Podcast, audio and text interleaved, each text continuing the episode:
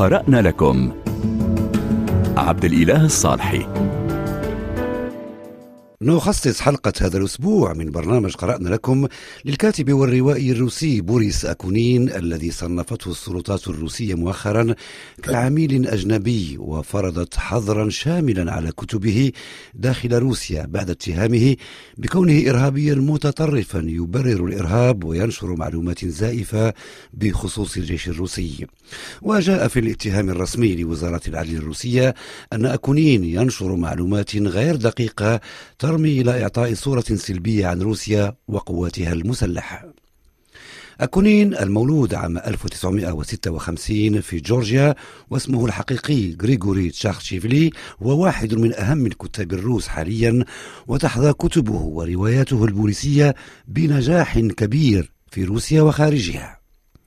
وأثار أكونين غضب السلطات الروسية بسبب معارضته الشديدة للغزو الروسي لأوكرانيا علما بأنه كان عارض ضم روسيا لإقليم القرم الأوكراني عام 2014 ومنذ ذلك التاريخ غادر روسيا واستقر في بريطانيا.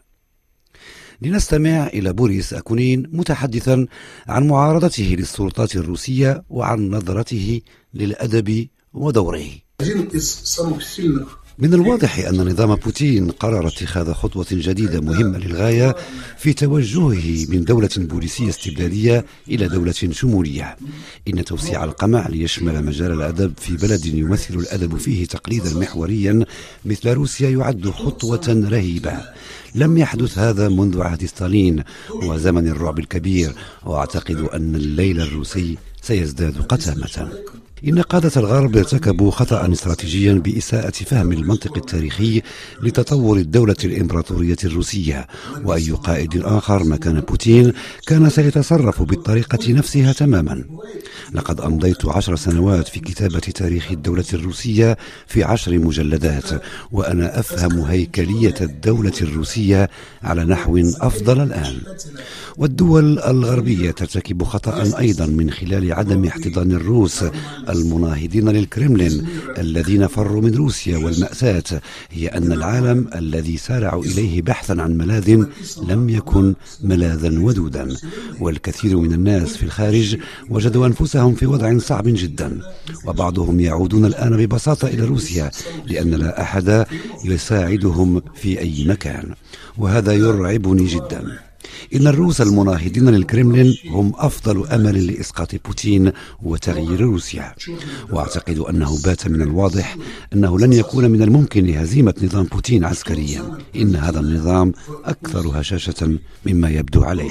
أنا كاتب غزير الإنتاج لقد ألفت ثمانين كتابا وأنا أعتبر الآن ثلاث دول موطنا لي وهي بريطانيا وفرنسا وإسبانيا.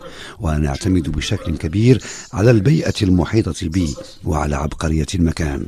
أكتب كتبا واقعية في لندن وأكتب الأدب الجاد في أرض شاتوبريون وأعمل على الأدب الترفيهي تحت شمس إسبانيا. أنا لن أتخلى عن جذوري وليس لدي أي شيء آخر في حياتي سوى الثقافة الروسية.